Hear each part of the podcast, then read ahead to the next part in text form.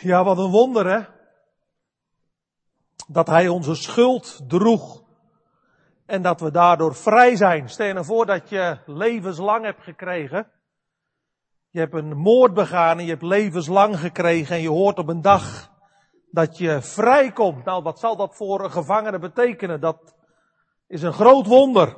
En zo is het voor ook ons een groot wonder als we mogen weten dat onze schuld en zonde door Christus verzoend is. We gaan vanmorgen met elkaar lezen uit Filippenzen 3. Ik wist niet dat er een avondmaalsdienst was vanmorgen en ik denk dat het gedeelte ook heel mooi aansluit als voorbereiding op het vieren van het heilige avondmaal. Filippenzen 3 vers 17 tot 21. Filippenzen 3 vers 17 tot 21.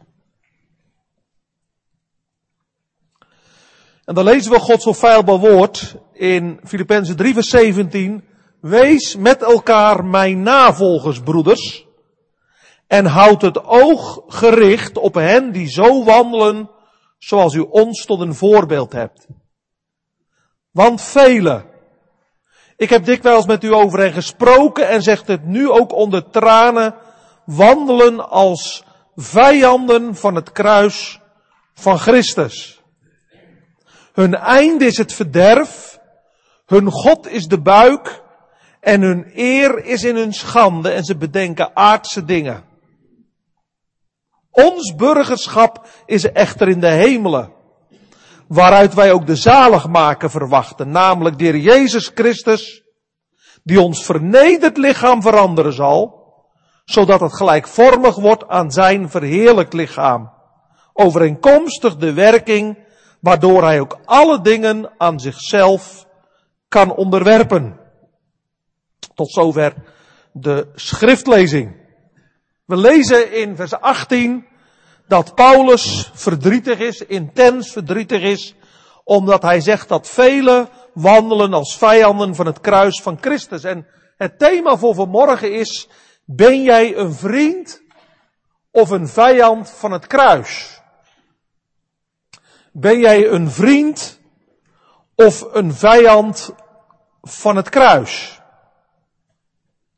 Ja, waar denken wij eigenlijk over na als we denken over vijandschap? Of hij of zij is een vijand. Kinderen? Ja, waar denken we dan aan?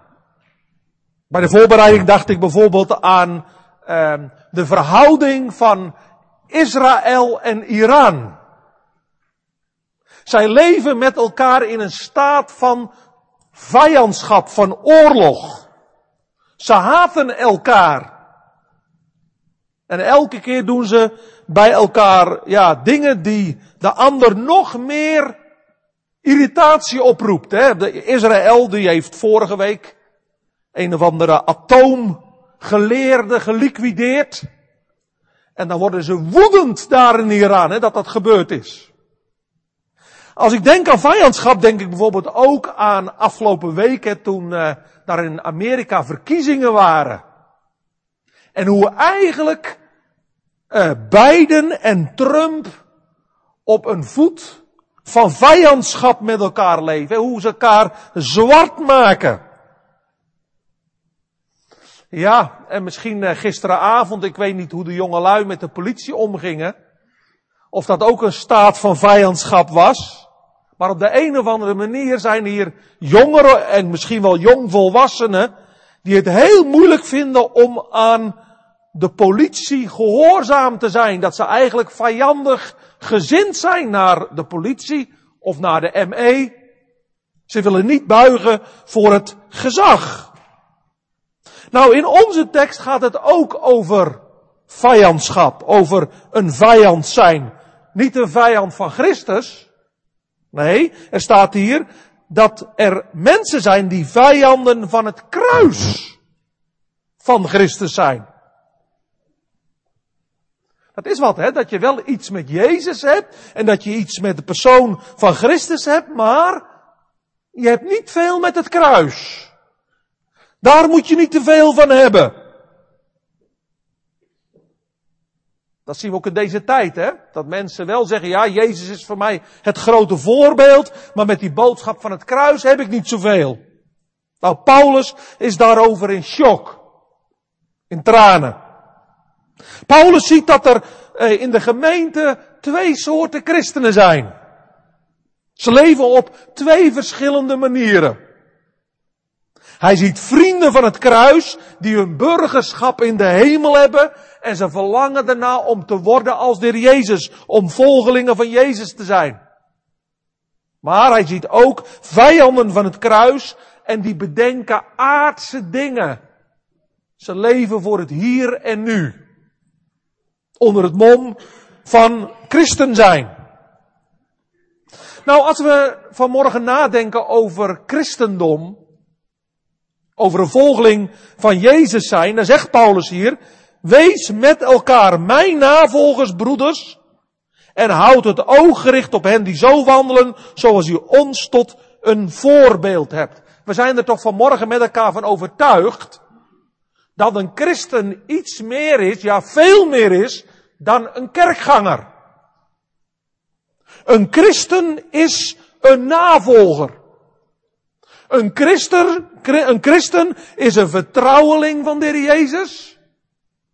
Een blijvende leerling van de Heer Jezus, maar ook een volgeling van de Heer Jezus. Dus dat betekent niet dat we een christendom hebben wat we alleen op zondag hebben. Nee, 24-7 verlang ik erna om Jezus te volgen. En Paulus die zegt hier, hij zegt, uh, ik wil voor jullie een voorbeeldfunctie hebben. Ik wil dat jullie mijn navolgers zijn. Zouden wij dat durven te zeggen?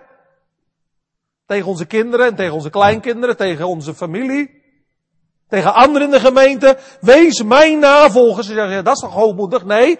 Hij zegt in, hij zegt ergens in de Bijbel, hij zegt in uh, de Korinthebrief, zegt hij, wees mijn navolgers zoals ook ik Christus navolg.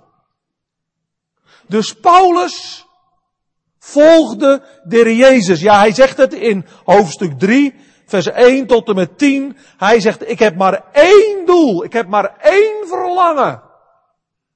En dat is te worden als de Jezus. Hij zegt, opdat ik Hem mag kennen en de kracht van zijn opstanding. En hij zegt in vers 14, ik jaag naar het doel. De prijs van de roeping van God die van boven is. Het welke is in Christus Jezus. Dus Paulus' focus was Jezus Christus en die alleen. Nou, waarin moeten wij dan de Jezus volgen? Nou, dat heeft Paulus al in hoofdstuk 2 beschreven. Hij beschrijft daar hoe de Jezus Christus de hemelse heerlijkheid is verlaten en de, de status van een slaaf heeft aangenomen. Nou, daar, daar denken we ook in deze adventstijd weer met elkaar over na. Dat de Jezus, die in de hemelse heerlijkheid bij de Vader was, uiteindelijk zijn heerlijkheid vaarwel heeft gezegd om op deze aarde voor onze zonde te komen, om die op zich te nemen en uiteindelijk aan het kruis van Golgotha onze zondeschuld op zich te nemen.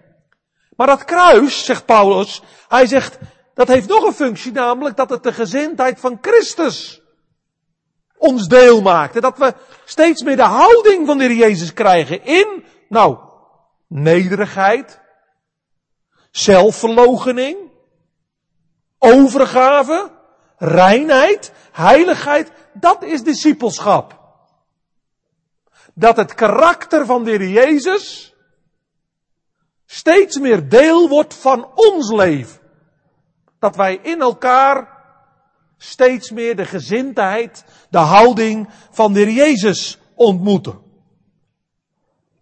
En Paulus zegt, daarin wil ik een voorbeeld zijn. Want goed voorbeeld doet goed volgen.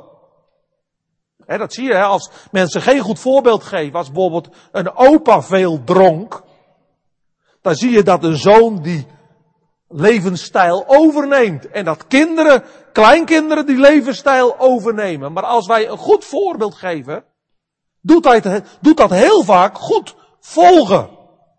Nou, we hebben gezien hoe onze koning, dat werd net al genoemd, koning Willem-Alexander, halverwege die coronacrisis, ons geen goed voorbeeld gaf.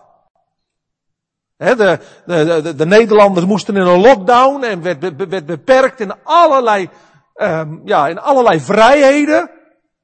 Ja, en zelf ging hij met het vliegtuig naar Griekenland op vakantie. Nou ja, dat hebt hij geweten. Zijn voorbeeld, ja, dat, uh, dat was er eigenlijk niet. Hè. De mensen die irriteerden zich daaraan. Christenen hebben een voorbeeldfunctie. Er wordt naar ons gekeken. En we zien dat vooral ook een jongere generatie snakt naar identificatiefiguren. Nou, Paulus zegt, ik wil een identificatiefiguur zijn. Volg mij na, zoals ook ik Christus navolgt. Maar, zegt Paulus, en houd het oog gericht op hen die zo wandelen. Die wandelen zoals de Heer Jezus. Maar hij ziet dat er heel veel medechristenen zijn in de gemeente die die gezindheid niet hebben, die dat verlangen helemaal niet hebben om te worden als Jezus. Ze willen een eigen leventje blijven leven en hij noemt ze vijanden van het kruis van Christus. En hij zegt, ik heb met u over hen gesproken onder tranen. Paulus is ook een voorbeeld van bewogenheid. Van compassie. Hij is bewogen met mensen en hij moet erom huilen. Hij heeft er een gebroken hart onder. Is dat niet misschien ook soms wel de nood in onze tijd dat we weinig bewogenheid hebben met mensen die verloren dreigen te gaan? Hoeveel bewogenheid heb ik, hebben wij voor mensen die niets met Jezus hebben? Hoe bewogen zijn wij met mensen die afhaken van de kerk? Gaan we er nog voor op onze knieën? Huilen we voor Gods aangezicht omdat we weten dat ze op weg zijn naar het verderf? Paulus zegt het zijn er niet enkele, het zijn er velen. Velen die op de verkeerde weg zijn. De Jezus waarschuwde hier al voor. Hij zegt, ga binnen door de nauwe poort, want wijd is de poort en breed is de weg die naar het verderf leidt. En vele zijn er die daardoor naar binnen gaan. Maar de poort is nauw en de weg is smal die naar het leven leidt. En weinigen zijn er die hem vinden. Misschien heb je wel bij je opa en oma die hele mooie plaats in hangen, kinderen van de brede en de smalle weg. Op de brede weg, daar zie je de zondige pleziertjes van deze wereld. He, waar uh, uh, een bioscoop en een danszaal en, en, en allerlei vertier, allerlei plezier. En op de smalle weg, dan moet je door een heel smal, klein, laag poortje. En die leidt naar het hemels Jeruzalem. Wat wil de Heer Jezus daardoor duidelijk maken? Nou, op weg naar de hemel kunnen we niet rechtop blijven staan. Dan moeten we door de knieën. Daar moeten wij alles afleggen waar God niet blij van wordt. Dat vraagt keuzes. Dat vraagt bekering, overgave, reiniging. De Jezus zegt, vele vinden dat moeilijk. Willen dat niet. En ja, dat is begrijpelijk. Want ons natuurlijke vlees wil dat natuurlijk niet. We willen onszelf handhaven, wij willen ons eigen leven blijven leven. Paulus die zegt, er zijn velen die vijanden zijn van het kruis van Christus. En de heer Jezus heeft gezegd, velen zijn er die op de brede weg wandelen. En misschien zijn het op Urk, wel heel veel aan de rechterkant van de brede weg. Er is een boekje in de boekhandel van Petrus Koudekerke, dat is een schuilnaam van een van mijn vrienden die dat heeft geschreven en die heeft daar een verhaal in geschreven over de rechterkant van de brede weg. En dat zijn mensen die zijn heel godsdienstig, keurig opgevoed. Oh ja, natuurlijk, ze leven niet als de wereld. En ze zitten niet in het stadion en in het café en in de kroeg en in de disco. Ze hebben de waarheid. Maar om nou te zeggen dat ze op de smalle weg zijn, nee, dat weten we niet. Maar we voelen ons heel comfortabel aan de rechterkant van de brede weg. Daar staan ook kerken. Maar ondertussen zijn we niet bereid om Christus aan te nemen, ons egoïstische leven af te leggen en door de knieën te gaan en die smalle weg te bewandelen naar het hemelse Jeruzalem. Jonge vrienden, degene die vanmorgen meeluisteren, ouderen, denken wij daar wel eens serieus over na? Op welke weg wandel ik? Zit ik echt wel op de goede weg? Ben ik die nauwe poort binnengegaan? Ik heb het al gezegd, dan kan je niet jezelf handhaven. Daar hoort een leven van zelfverloochening bij. De Jezus heeft het gezegd, hè. En wie zijn kruis niet draagt en achter mij aankomt, die kan geen discipel van mij zijn. Dus navolging van de Jezus door de nauwe poort, dat betekent het afleggen van je ik-gerichte, eigen-gerichte leven. Alleen vrienden van het kruis, ja, die zijn het die door die poort naar de hemel gaan.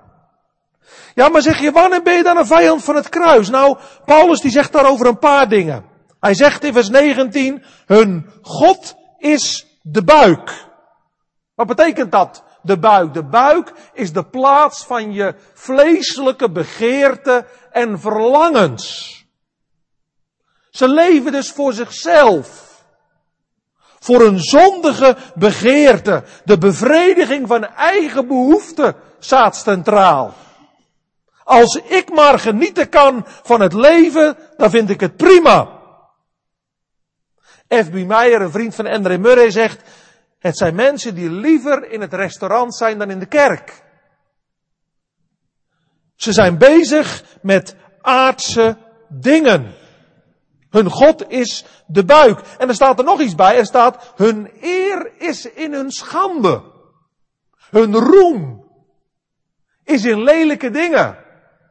En de verklaarders die zeggen, dat, dat gaat over, over mensen die, die trots zijn op dingen die ten diepste zonde zijn. En dan zeggen de verklaring, het gaat vooral op het gebied van seksualiteit. Ze, zijn, ze, ze voelen zich stoer over allerlei seksuele vormen van onreinheid. En ze hebben er helemaal geen schuldbesef over. Nou, dat hebben we gezien vorig jaar hè, met het uitkomen van die Nesfiel-verklaring. Dat notabene christenen, zogenaamde christenen, regenboogvlaggen op hun kerk doen. En er trots op zijn dat mensen in een homoseksuele levensstijl leven. En uh, mensen die er trots op zijn om te zeggen, wij zijn een kerk waar je gewoon jezelf kan blijven, waar je je niet hoeft te bekeren van je zonde. Open armen. Je bent welkom bij ons en je mag je leven blijven leven met een regenboogvlag op de kerk. Hun eer is in hun schande. Ze bedenken aardse dingen. Dus heel hun mindset, heel hun denken is gericht op het hier en nu. Hun hele levensstijl. Door de weeks is gericht op de dingen hier op aarde. En ze zijn ten diepste niet dingen, bezig met de dingen die in de hemel zijn, daar waar Christus is. Hè. Zoals Paulus zei, zoek de dingen die boven zijn. Warren Wiers bezegt, hij zegt, wat betekent het om geestelijk gezind te zijn? Om hemels gezind te zijn. Hij zegt, dan gaan we naar de aardse dingen kijken vanuit een hemels standpunt. De aardse dingen bekijken vanuit een hemels standpunt. Als het goed is, worden wij steeds meer hemelsgezind en gaan we naar alles wat op deze aarde is kijken vanuit Gods perspectief. Ook in een coronacrisis, hè, waar zoveel dwaasheid is, waar zoveel onverstandige besluiten worden genomen. We zien het niet helemaal wat er gaande is, maar als wij dicht bij de Here blijven, gaan wij de dingen vanuit Gods perspectief zien. Wetend dat het allemaal op weg is naar die nieuwe ene wereldorde Waar geen plaats meer is voor radicale christenen. Hè, waar één religie zal zijn van moslims, joden, christenen, boeddhisten. En we zeggen het is allemaal één God, het is één pot nat. En we moeten elkaar vooral respecteren en verdragen. Daar gaat het naartoe. En dat kan nog wel even duren, maar daar gaat het wel naartoe. En als wij hemelsgezind zijn, gaan we ook vanuit Gods oogpunt steeds meer naar die dingen kijken. Dominee Velema, die heeft in het zoeklicht in 2002 gezegd, over wat hier beschreven staat, hij zegt, het zijn dwaalgeesten die van de buiken God maken, het zijn hedonisten. Die gaan voor de genotscultuur en leven voor seksuele perversiteiten. Er is niets nieuws onder de zon. Ze zijn aards georiënteerd, horizontaal ingesteld. Het gaat alleen om de leefbare wereld. Het gaat alleen om de leefbare wereld. Het zijn hedonisten, dat wil zeggen het genieten hier op aarde als het hoogste goed. Nou, de vraag vanmorgen is, waar wordt nou jouw gedachtenleven door beheerst? verlang je erna om, om, om Hem te leren kennen. Zoals Paulus dat zegt, opdat ik Hem mag kennen en de kracht van zijn opstanding. Of moet je vanmorgen zeggen, ja, ik ben ook nog zo bezig met de dingen van deze aarde. Paulus die noemt deze groep ook op een andere manier nog in vers 2 van hoofdstuk 3. Hij zegt, let op de honden, let op de slechte arbeiders. Dat is nogal wat, hè? De verklaringen zijn er niet helemaal over eens. Die zeggen ja, aan de ene kant kunnen dat mensen zijn die heel erg genieten van deze wereld. Van de zondige pleziertjes. Maar het kan, kunnen ook wettische mensen zijn. Die naast de genade van God nog leren dat je besneden moet worden. Dat legt Paulus uit. In deze verse worden de Judaïsten en hun volgelingen beschreven. En wat, wat waren dat voor die Judaïsten? Nou, die willen niet van genade leven. Die willen de wet van Mozes nog toevoegen aan de genade en de boodschap van het kruis. En ze leren dat je dus de spijswetten nog moest gehoorzamen.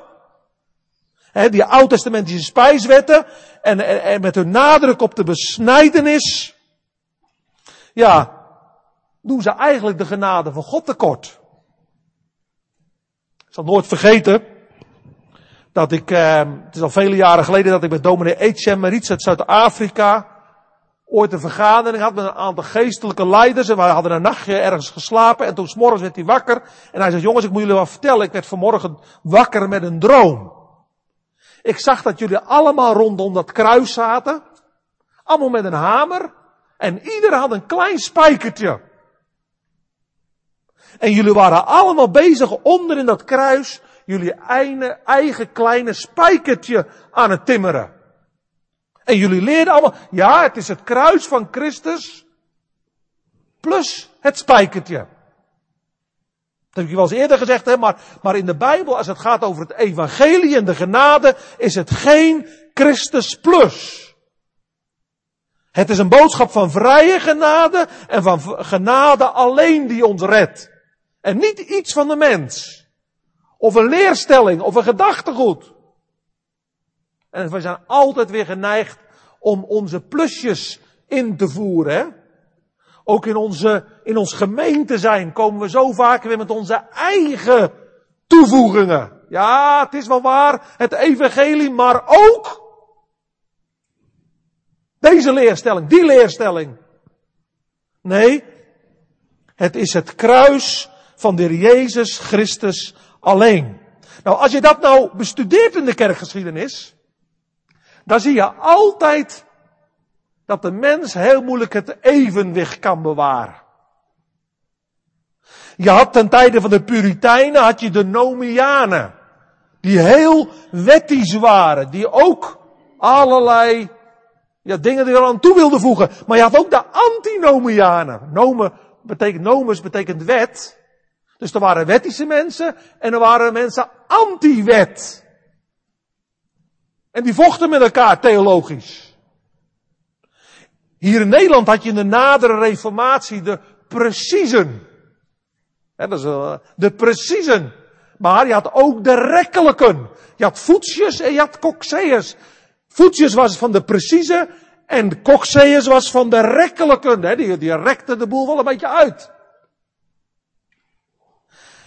Wij zouden zeggen, we hebben mensen die wettisch zijn en we hebben mensen die heel vrijdenkers zijn.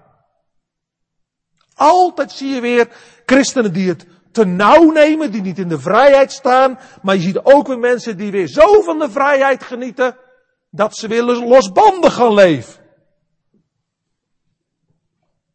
Paulus die is wel eerlijk. Hij zegt, als wij het kruis van de Jezus Christus niet serieus nemen, nou wat zegt hij in vers 19? Hun einde is het verderf. Dat is aangrijpend. Dat is aangrijpend. Als je vanmorgen niet in een juiste verhouding staat tot het kruis, dan ga je je ondergang tegemoet. Dat betekent het letterlijk. Hun einde is het verderf. Hun ondergang gaan ze tegemoet. De eeuwige verwerping gaan ze tegemoet als ze niet dat kruis van Christus omarmen en aannemen. En daarom is de evangelieverkondiging ook zo, ja, dat is, dat is een kwestie van dood en leven. Als we nog nooit die keuze hebben gemaakt, hè, dan, dan moeten we dat vandaag doen, want ja, we dreigen voor eeuwig verloren te gaan als we aan dat kruis van Christus voorbij leven. Nou, waarom is dat nou zo moeilijk, die boodschap van het kruis? Kort wil ik daar drie dingen van zeggen. In de eerste plaats vinden wij het heel moeilijk om van genade te leven. We willen zo vaak graag als mens iets doen voor God. Als we vanmorgen met elkaar het avondmaal vieren, dan moeten we dat doen met lege handen. We hebben gezongen, niet door rechtvaardige daden. En wij willen altijd weer iets toevoegen. Maar de Nederlandse geloofsbeleider zegt in artikel 22, als jij denkt dat jij nog iets aan het kruis moet toevoegen, aan de genade moet toevoegen, dan is dat ten ene male godslastering. Dat is vloeken in de kerk. Wat is vloeken in de kerk? Dat je leert dat het offer van Christus niet genoeg is. En dat vinden wij zo moeilijk. Dat vinden wij zo moeilijk om van het volbrachte werk van Christus alleen te genieten. We willen altijd weer onze eigen dingen eraan toevoegen. Maar het kruis van Christus leert ons dat God niets met u van doen wil hebben. U ligt onder het oordeel vanwege uw zonde. Maar aan het kruis van Christus klinkt het ook, het is volbracht. Dat wat wij niet konden bewerkstelligen, dat heeft Christus voor ons gedaan. Waarom is het kruis van Christus moeilijk? Nou, het is ook moeilijk omdat ik niet meer mijn oude leven kan blijven leven. En dat was hier vooral het punt. Ze wilden hun eigen leven blijven leven. Ze wilden zelf op de troon blijven zitten, maar, maar dat kan niet. Het kruis leert mij dat ik samen met Christus gestorven ben. Romeinen 6. En dat roept op. Paulus zegt dan, zullen we dan in de zonde blijven leven opdat de genade des te meerder wordt? Ja, dan hebben we het kruis niet begrepen. Dan hebben we het kruis niet begrepen. Nee, in het kruis. In het sterven van Christus ben ik ook gestorven met Christus. En nu moet ik mijn oude leven achter mij laten. En als u gedood bent in water, dan hebt u dat daar beleden dat u met Christus in het watergraf bent ondergegaan. Om dat oude leven daarachter te laten en nu door de vereniging met Christus te wandelen in een nieuw leven. We zijn verbonden met de gekruisigde en opgestane en verheerlijkte Christus. Wij zijn één plant met hem geworden. En dat heeft consequenties voor je leven. En dat is het derde. Waarom vinden wij het kruis zo moeilijk? Nou, ik wil ten diepste niet mijn vlees kruisigen, toch? Ik wil mezelf ten diepste niet verloochenen. En ik wil nog zo graag vaak genieten van de pleziertjes van het leven. Een vijand van het kruis van Christus zegt, ik vind het wel prima zo. Ik wil dat, dat leven niet vaarwel zeg. Ik wil nog zo zelf, ik wil zelf graag nog op de troon blijven zitten. Maar luister, de heer Jezus heeft gezegd, en wie zijn kruis niet draagt. Dat kruis wat God ons oplegt in ons leven. Als we dat kruis niet dragen en als we niet achter hem aankomen, ja, dan, dan kunnen we geen discipel van hem zijn. En dat betekent dus dat we wel dat kruis moeten toelaten in ons leven. Zijn we daartoe bereid? Kijk, je merkt zodra velen horen dat het een prijs kost om de Jezus te volgen, dan zijn we niet thuis. Ja, daar heb ik geen zin in. Ja, die ticket naar de hemel, die wil ik wel, maar om nou te zeggen dat ik dan vervolgens ook gewoon echt keuzes moet maken overeenkomstig het evangelie, ja, dat vind ik lastig. Ik heb het al gezegd, en dan zien we vandaag de dag, zien wij steeds meer. En gemeente, dat, dat, dat, dat gaan we alleen maar meer en meer zien. In evangelische gemeenten, in vrije gemeenten. Maar ook in andere gemeenten gaan we dat steeds meer zien. Dat we zeggen, ja, wij willen een kerk zijn met een open armen theologie. Een van de snelst groeiende kerken van Nederland zegt, wij willen een bronkerk zijn. Wij hebben met elkaar één bron en dat is Jezus Christus. En als mensen bij ons komen, gaan we niet praten over zonde en waar ze zich van moeten bekeren. Nee, ze zijn welkom en we laten het aan de geesten over. Om erachter te laten komen wat zonden zijn en dan moeten ze zich er maar van bekeren. Maar wij hebben één gemeenschappelijk iets en dat is de Heer Jezus. Ja, dat is mooi gezegd. Maar dan, dan, dan, dan, dan, dan laten we heel veel tekst in de Bijbel laten we liggen. De Bijbel zegt dit is geloof in Christus, maar het is ook gehoorzaamheid in Christus. Hè? De Romeinenbrief spreekt over geloofsgehoorzaamheid. En dat betekent dat ik over de kop ga. Dat betekent dat daar een strijd gaat komen in mijn hart. Want als ik je vanmorgen nou vraag, ben je nou een vriend of een vijand van het kruis van Christus? Laat nou eens dat dat, dat, dat ontdekkende werk van de Heilige Geest schijnen over je hart, wat kom je dan niet tegen? In je hart? Als God nou vanmorgen zo'n röntgenfoto maakt van jouw hart, wat kom je dan tegen? Nou, dat is toch een burgeroorlog hier van binnen, of niet? Dat afleggen van je oude leven, dat gaat toch niet vanzelf?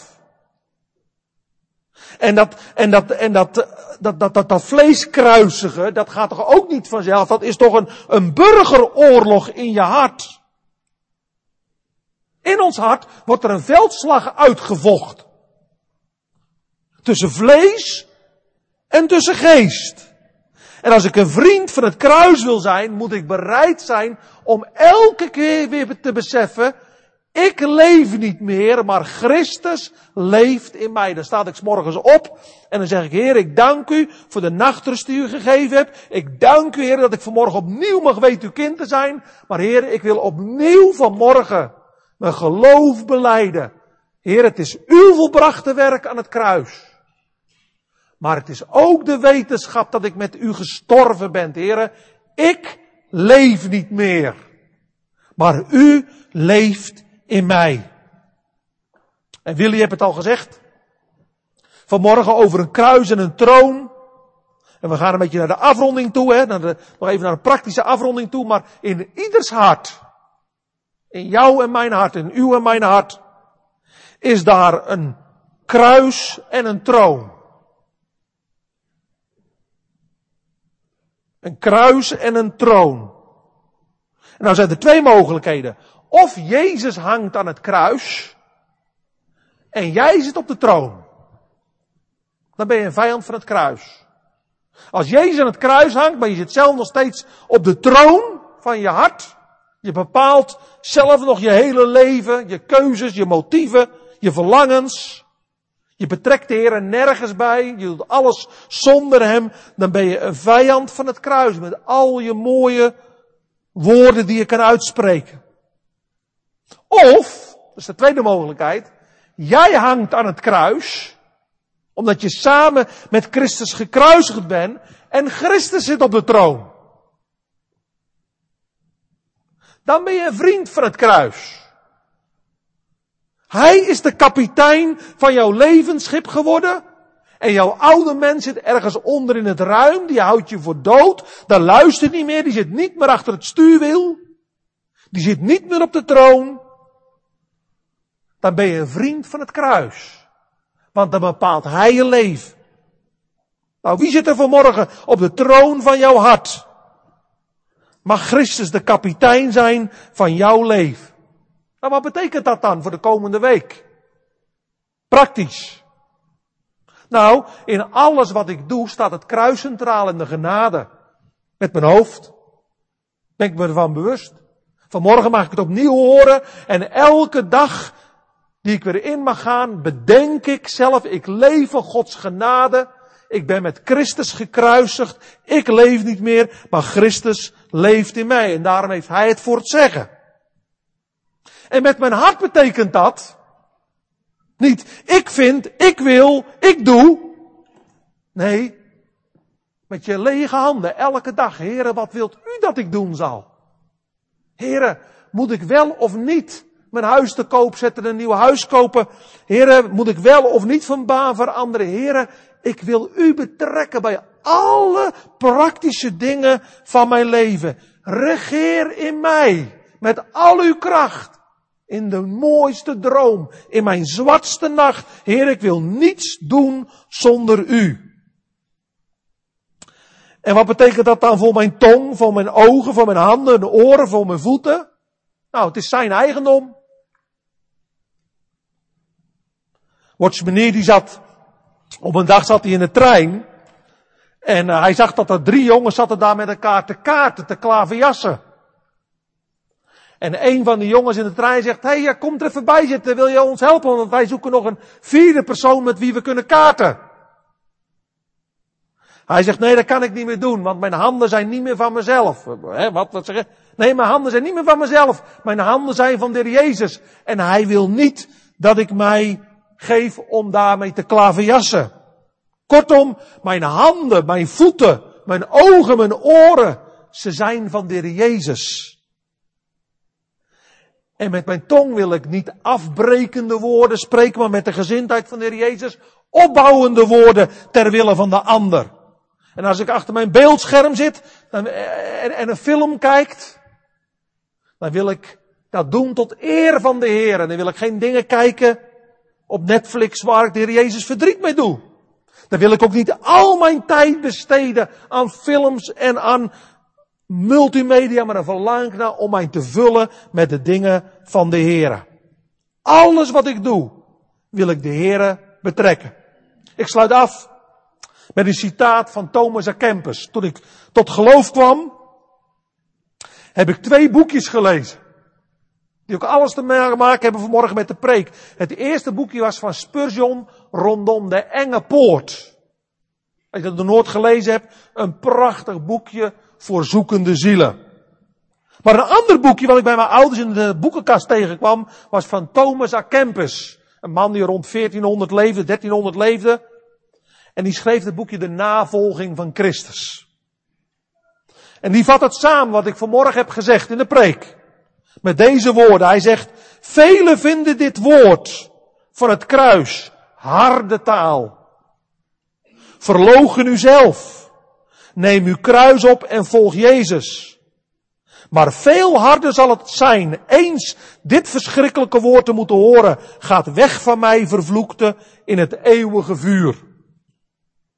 Wie nu graag wil luisteren naar het woord van het kruis en dat wil volgen, behoeft niet bang te zijn. Dat zij het woord van eeuwige verwerping zullen horen. Dit teken van het kruis, het kruis, zal aan de hemel staan als de Heere komt om zijn oordeel uit te spreken. Dan zullen alle dienaars van het kruis, die zich in dit leven aan de gekruisigde gelijkvormig hebben gemaakt, met groot vertrouwen naar de rechter Christus toegaan. Amen.